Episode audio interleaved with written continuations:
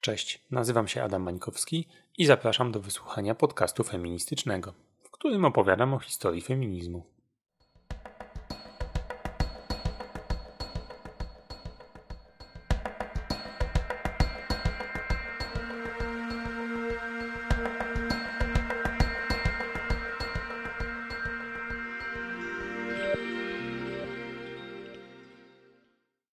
Jak słyszycie, postanowiłem, że skrócę wstęp do mojego podcastu, mm, bo chyba był za długi i zbyt pretensjonalny.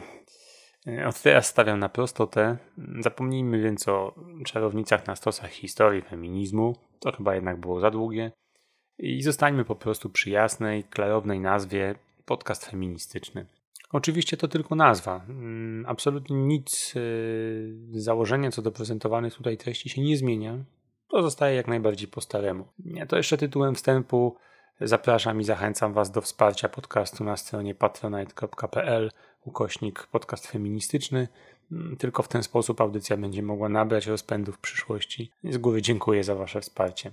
Oczywiście w opisie odcinka znajdziecie wszystkie niezbędne linki, także do mediów społecznościowych, adres e-mailowy do kontaktu. Zapraszam do, do kontaktu, do dyskusji. A teraz przejdźmy już do rzeczy. Odcinek 15 Psychologia feministyczna. Drogie słuchaczki i drodzy słuchacze, chciałbym, abyśmy dziś pochylili się nad obszernym zagadnieniem, pojęciem, dziedziną nauki. Tu będę się bardzo wytrwale upierał przy tym, że psychologia feministyczna to jest jedna z gałęzi psychologii, jedna z dziedzin naukowych, a nie ideologiczny bełkot, jak lubią nazywać naukowe osiągnięcia badaczek i badaczy w tej dziedzinie, osoby, które za główny cel stawiają sobie szeroką krytykę myśli feministycznej, jako takiej w ogóle, w całości, bezrefleksyjnie. Na pewno nie wyczerpiemy tego tematu w jednym odcinku, e, bo faktycznie jest on niezwykle obszerny, dlatego przy tytule tego odcinka widzicie odnośnik, że jest to część pierwsza. Być może będą dwie, a może i nawet trzy części, zobaczymy. No ale dobrze, dlaczego psychologia feministyczna jest dziedziną psychologii? Jak duże osiągnięcia w tej dziedzinie poczyniliśmy, o tym opowiem za chwilę, czy zacznę opowiadać za chwilę. E, jednak na początek chciałbym zatrzymać się jeszcze na głosach krytyków, e, bo one są tutaj bardzo istotne. Sporo z nich jest formułowana przez psychologów. Ich podcasty, filmy na YouTubie, mm, e, streamy na Spotify możecie bez trudu wyszukać. Wystarczy zestawić w wyszukiwarce frazy psychologia i feminizm. Mm, no i jest tego naprawdę sporo. Przygotowując się do tego odcinka, wykonałem spory research i wysłuchałem wiele podcastów osób, które krytycznie odnoszą się do psychologii feministycznej czy do samego feminizmu jako takiego. I chciałbym podzielić się z Wami kilkoma argumentami, które tam zostają przytoczone. Spróbuję je wymienić i zebrać w jakąś logiczną całość. Jedną z chyba najczęściej przywoływanych tez hmm, przez krytyków jest taka, która zakłada, że większość, jeśli nie wszystkie osoby, które wykonują zawody prawnicze, są naukowcami, badaczami, lekarzami, socjologami lub przedstawicielami innych zawodów, w których szeroko rozumiany sukces, pozycja zawodowa uzależniona jest od reputacji, no to ich zdaniem osoby te nie mają w sobie wystarczającej odwagi. W ogóle nie mają odwagi, zwyczajnie boją się przedstawiać poglądy krytyczne wobec feminizmu.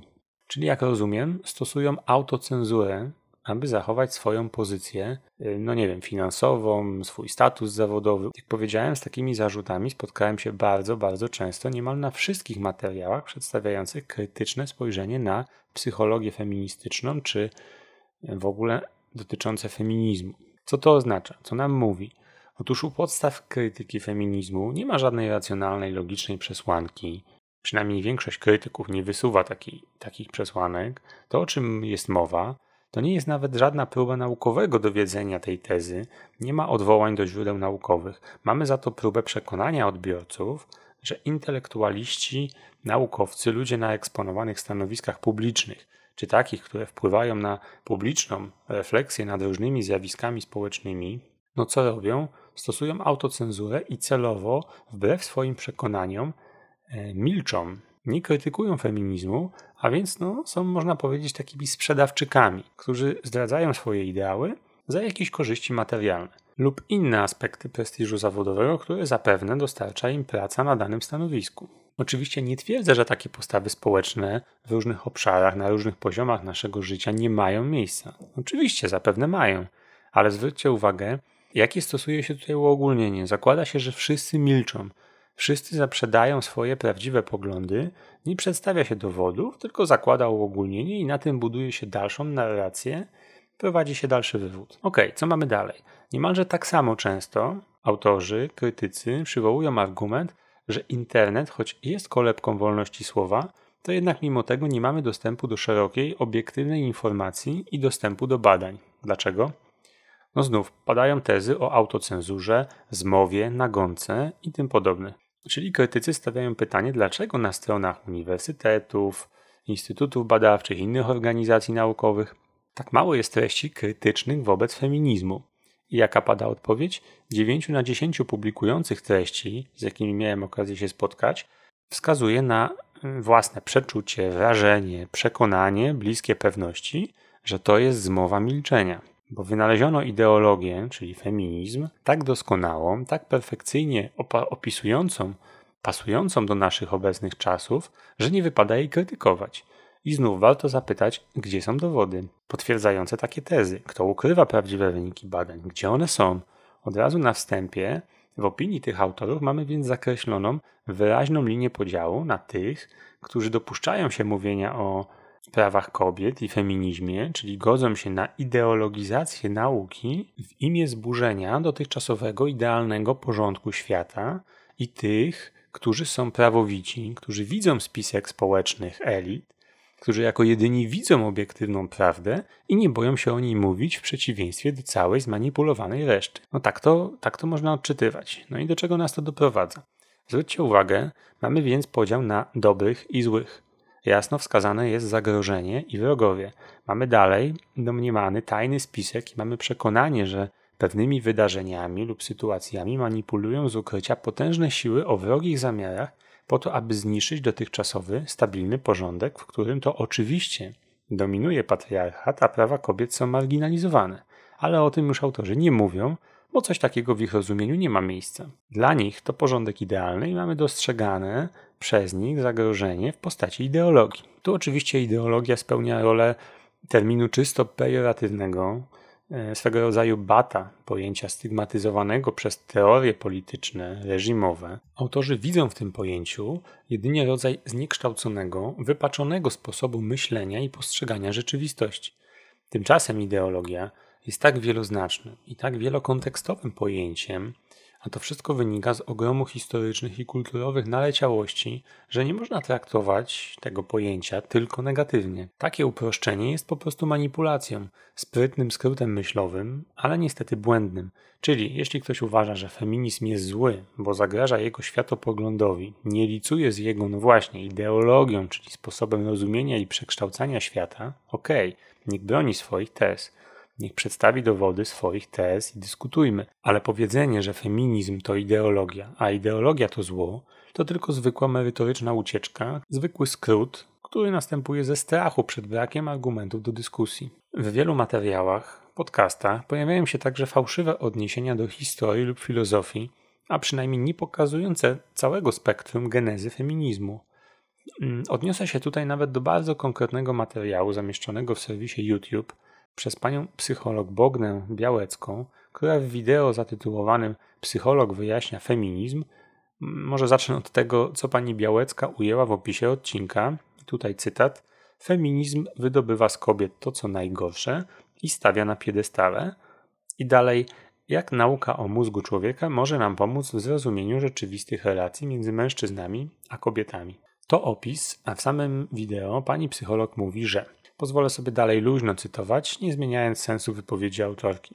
Feminizm w wersji hard, tak uważa autorka, to na przykład sytuacja, w której ktoś przerywa wykład profesora, który pozwolił sobie powiedzieć zdanie są dwie płcie i na to zdanie osoba o bliżej nieokreślonej płci, o imponujących gabarytach i barwnych włosach zaczyna krzyczeć i wykład przerywa. Tak między innymi definiuje feminizm pani Bogna Białecka. W mojej ocenie mamy do czynienia z opisem czysto dyskryminującym, a nie definiującym. Autorka mówi także, że istnieją łagodniejsze formy feminizmu mm, i można je na przykład opisać takim przykładem.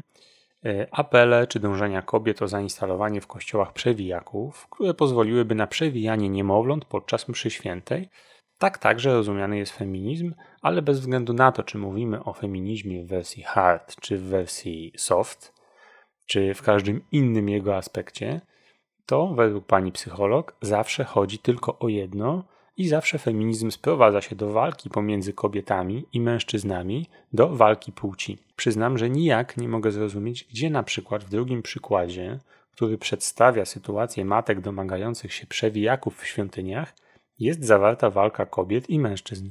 Czy to wierni płci męskiej będą czuli się zaatakowani przez kobiety, gdy do takiej sytuacji dojdzie? Czy zaatakowany będzie kapłan?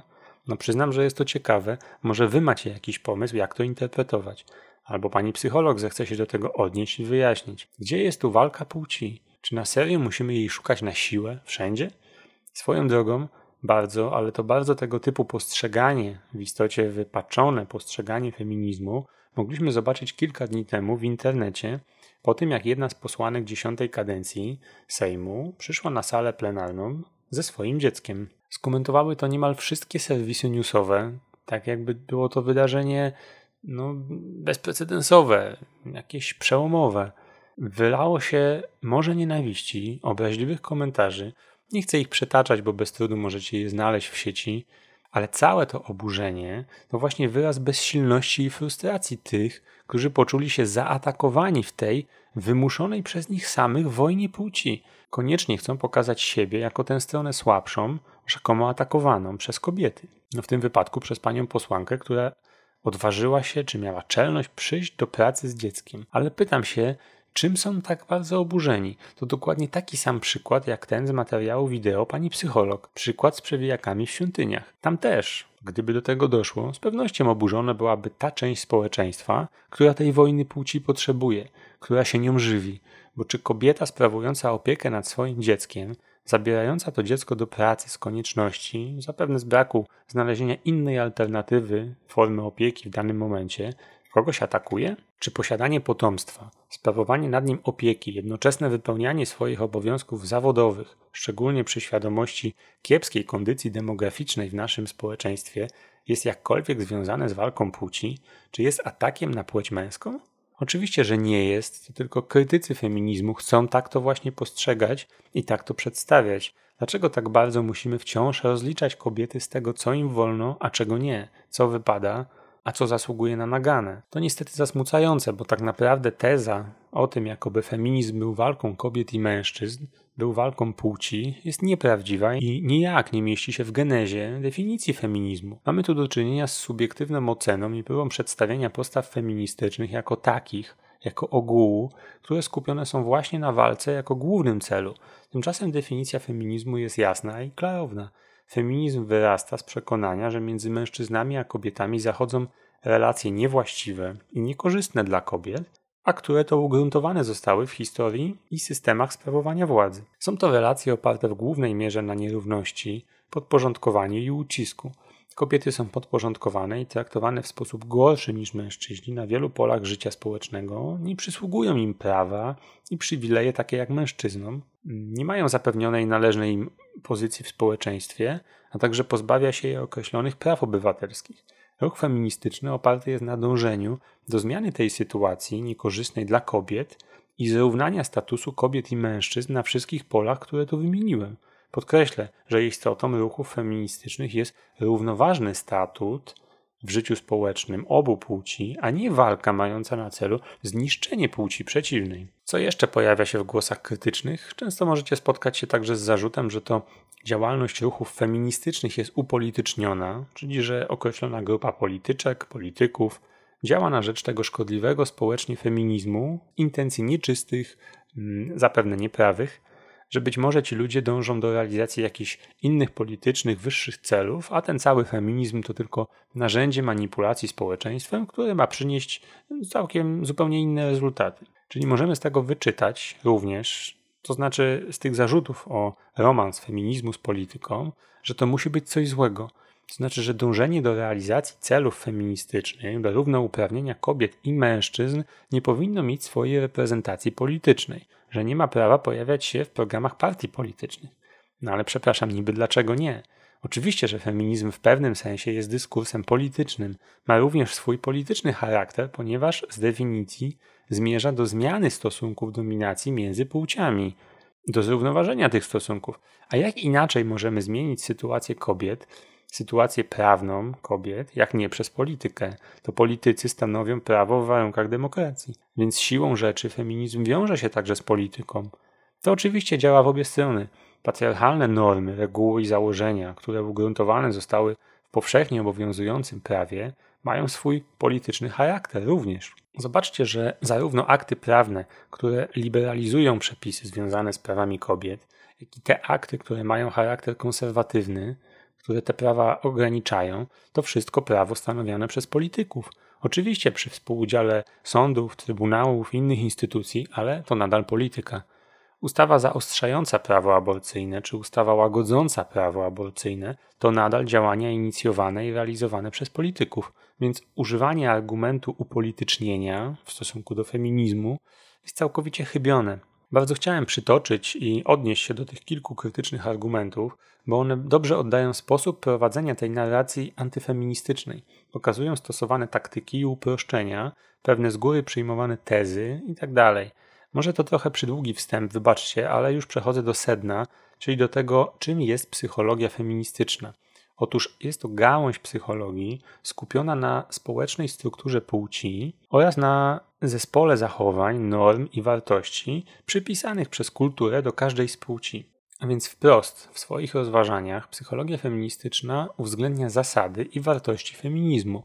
Czy to nowa gałąź psychologii? I tak i nie. Samo pojęcie psychologii feministycznej zostało wprowadzone do dyskursu już około 100 lat temu przez niemiecką psychoanalityczkę i specjalistkę w dziedzinie psychiatrii Karen Horney. Autorka w swojej książce Femin Psychology, będącej zbiorem artykułów napisanych w latach 1922-1937, używa tego pojęcia i szeroko porusza wiele zagadnień związanych ze społecznymi przekonaniami na temat kobiet, a także pochyla się nad wpływem społeczeństwa na psychikę kobiet.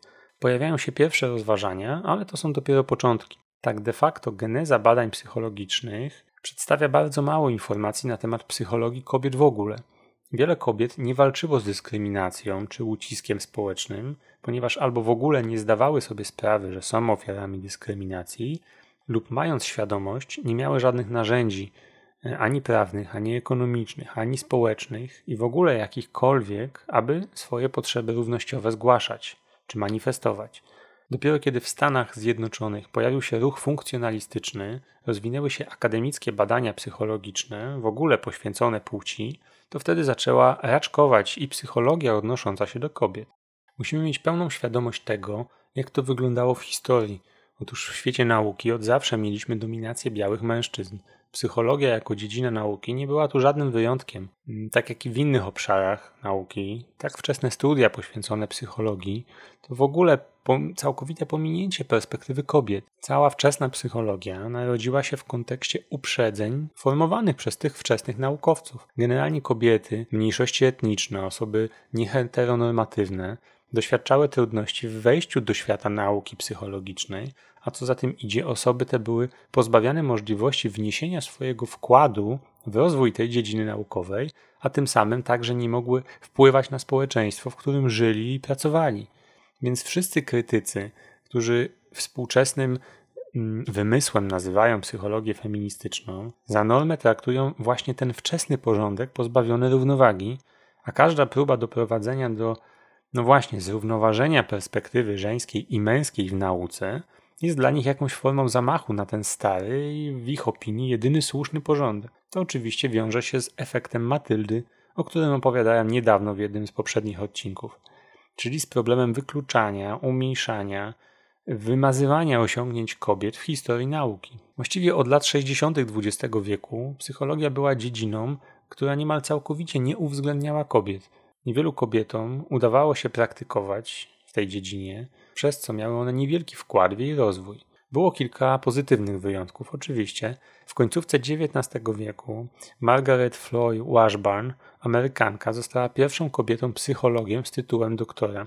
Dziwnym trafem polskojęzyczna Wikipedia nie mówi o niej nawet słowa. Była również y, Mary Calkins, również Amerykanka. Tu Wikipedia w polskiej wersji już dostarcza kilku słów. Warto pamiętać, że To ona jako pierwsza w historii kobieta w 1905 roku została przewodniczącą amerykańskiego Towarzystwa Psychologicznego. To było w tamtym okresie coś niezwykłego. Doświadczyła też, no niestety, chwil trudnych i upokarzających, bo na przykład Uniwersytet Harvarda, na którym studiowała, odmówił jej nadania stopnia doktora, pomimo doskonałego wyniku e, egzaminu i udokumentowanego dorobku naukowego. Znów kłania się efekt Matyldy. Do historii tej niezwykłej kobiety na pewno powrócę, myślę, że w jednym z przyszłych odcinków, bo mam e, sporo materiałów i informacji na jej temat i trzeba to jakoś wykorzystać. No dobrze, ale idźmy dalej. E, były też polskie psycholożki mm, w tym wczesnym okresie. Była pani Józefa Jotejko, urodzona w 1866. Była Maria Grzegorzewska, rocznik 1897, czy pani Alina Szemińska, rocznik 1907. Jest kilka pozytywnych wyjątków, ale tak jak mówię, to jest margines. To nie był znaczący wkład, to nie był mm, silny, uformowany ruch, to nie były głosy brane pod uwagę przede wszystkim. Kobiety w tej dziedzinie nie były wysłuchane. Zastanówcie się, czy słyszałyście, słyszeliście już te nazwiska, znacie je, tych psycholożek, a czy słyszałyście, słyszeliście o Zygmuncie Freudzie albo o Karlu Youngu? No właśnie. Co więcej, uczestnikami doświadczeń, badań psychologicznych byli w znacznej większości mężczyźni na tym e, pierwszym etapie rozwoju tej nauki, przez co nie brano pod uwagę różnic międzypłciowych w badaniach psychologicznych. Wręcz przeciwnie, uważano, że kobiety nie są wystarczająco ciekawym, interesującym obiektem badań, co innego mężczyźni. Jak mówiłem, perspektywa kobiet nie istniała. Wspomniałem o latach 60. XX wieku, mm, bo wtedy nastąpił pewien przełom. Otóż amerykańska psycholożka i neurobiolożka pani Naomi Weinstein popełniła artykuł, dokładnie miało to miejsce w roku 1968, Treść tegoż artykułu stała się zalążkiem rewolucji feministycznej w psychologii, można to tak nazwać. Pani psycholożka jako pierwsza e, odważyła się skrytykować w bardzo fundamentalny sposób psychologię jako naukę w ogóle, a w sposób wyjątkowo szczególny krytycznie oceniła psychologów mężczyzn za opracowanie psychologii dotyczącej kobiet przez pryzmat męskich uprzedzeń i bez przeprowadzenia właściwych badań w celu weryfikacji cech psychologicznych które panowie przypisywali kobietom. Artykuł jest tak naprawdę przełomowy. Powiedziałem, że mm, jest odważny, bo to prawda, bo na przykład autorka cytuje tam uznane męskie sławy psychologii i zastawienie tych cytatów z jej krytyką no, budzi spore emocje. Przykład, cytat z pana Bruno y, Bettelheima, wówczas już uznanej sławy psychologii, który to powiedział takie zdanie, tu cytat: Należy przede wszystkim zdać sobie sprawę, że o ile kobiety chcą być dobrymi naukowcami czy inżynierami, to, czego chcą najbardziej, to być towarzyszkami mężczyzn i matkami. Najwyraźniej pan psycholog wiedział lepiej, czego chcą kobiety, Oczywiście Naomi Weinstein na tym nie poprzestaje. Kładzie solidne podwaliny pod rozwój psychologii feministycznej, proponuje ponowną, szeroką ocenę i odkrycie wpływu kobiet na historię psychologii. Dalej proponuje w swych publikacjach badanie różnic między płciami oraz kwestionowanie postaw wykluczających, które nie mogą i nie powinny wpływać na podejście do wiedzy i do nauki w ogóle. Kiedy myślimy o psychologii tak w ogóle szeroko, to najczęściej nasze myśli biegną w kierunku psychoanalizy Freuda i wszelkich jego teorii. Analizując historię feminizmu, nie mamy szans uciec od Freuda, to jasne, bo te zagadnienia, ścieżki tych zagadnień i ich rozwoju wielokrotnie się ze sobą przecinają. Freud utrwalił swoimi teoriami bardzo niekorzystny, negatywny wizerunek kobiety. Można powiedzieć fatalny stereotyp, według którego kobieta zawsze czuje się niepełnowartościowa wobec mężczyzny. To dalej przełożyło się na to, że w jego definicjach, w jego rozważaniach nad zdrowiem psychicznym kobiety są tak naprawdę pomijane. Kobietom, które pragnęły podejmowania pracy, dążyły do samorozwoju, zarzucał kompleks męskości lub zazdrości. To w latach 70., 80. XX wieku szczególnie wówczas w Ameryce Północnej, musiało doczekać się odpowiedzi, krytyki, polemiki. Powoli, ale konsekwentnie następowały zmiany. Kobiety stawały się coraz bardziej aktywne zawodowo i aktywizowały się także na stanowiskach psycholożek. Dynamicznie rozwijały się także badania prowadzone nad płcią. Zaczęto odrzucać teorie mówiące o tym, że przypisywanie kobietom zależności, uległości czy słabości to wynik takiego, a nie innego ukształtowania biologicznego, a zaczęto zwracać uwagę, że te pewne cechy, które wymieniłem, są też efektem działania czynników społecznych o bardzo dużej sile. Zaczęto więc odchodzić od freudowskiego biologizmu na rzecz ujęcia społeczno-kulturowego płci. W tym miejscu chciałbym postawić kropkę i obiecać, że niebawem moje dalsze rozważania nad psychologią feministyczną powrócą w drugiej części tego, tej, tej serii, a później pewnie i w trzeciej, bo temat jest niezwykle obszerny. Serdecznie dziękuję Wam za uwagę i do usłyszenia. Cześć.